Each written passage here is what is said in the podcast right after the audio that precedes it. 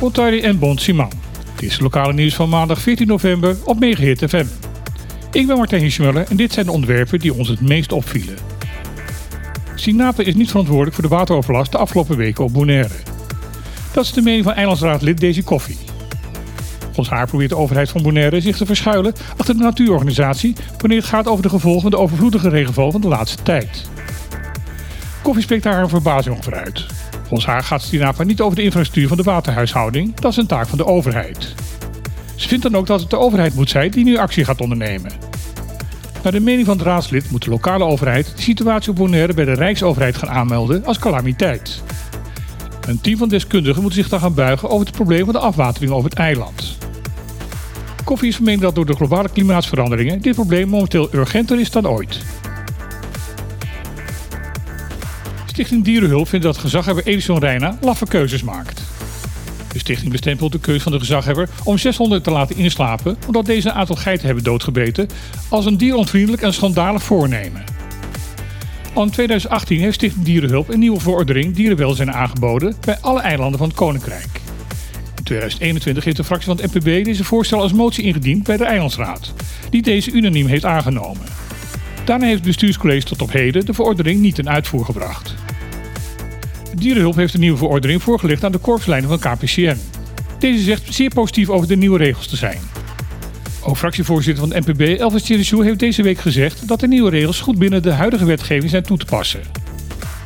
Stichting Dierenhulp is daarom zeer teleurgesteld en boos dat gezag bij als verantwoordelijk van de handhaving op het eiland, er opnieuw voor kiest om de oplossing van het probleem niet bij de eigenaar van de honden neer te leggen. Volgens de stichting zijn daardoor de dieren wederom het slachtoffer geworden van het falen van een lakse overheid. Meertaligheid is geen handicap, het is juist een voordeel.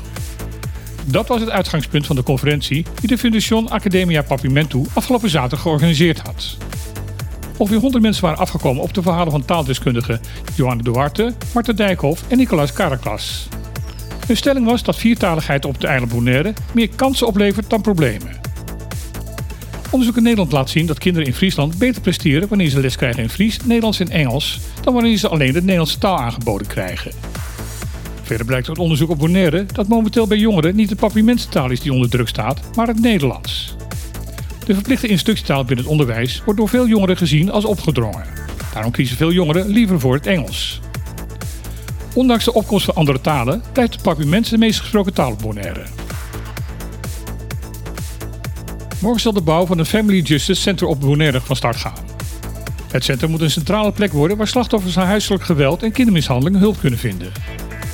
Het FISC zal gevestigd gaan worden in de huidige Centro di Barrio, Antriol Pabau. Dit gebouw zal daarvoor grondig gerenoveerd gaan worden. De doelstelling van het centrum is dat slachtoffers van huiselijk geweld en kindermishandeling maar één keer zijn of haar verhaal hoeven te vertellen. In de huidige situatie moet de slachtoffer vaak meerdere keren het verhaal vertellen aan verschillende instanties. Dit wordt door veel slachtoffers gezien als zeer belastend en is soms zelfs een reden om geen aangifte te doen. Door alle betrokken partijen en diensten nu onder één dak te brengen, hoop men dit probleem te kunnen ondervangen. Dit was weer het lokale nieuws op Megahit FM. Ik wens u nog een mooie dag en graag weer tot morgen.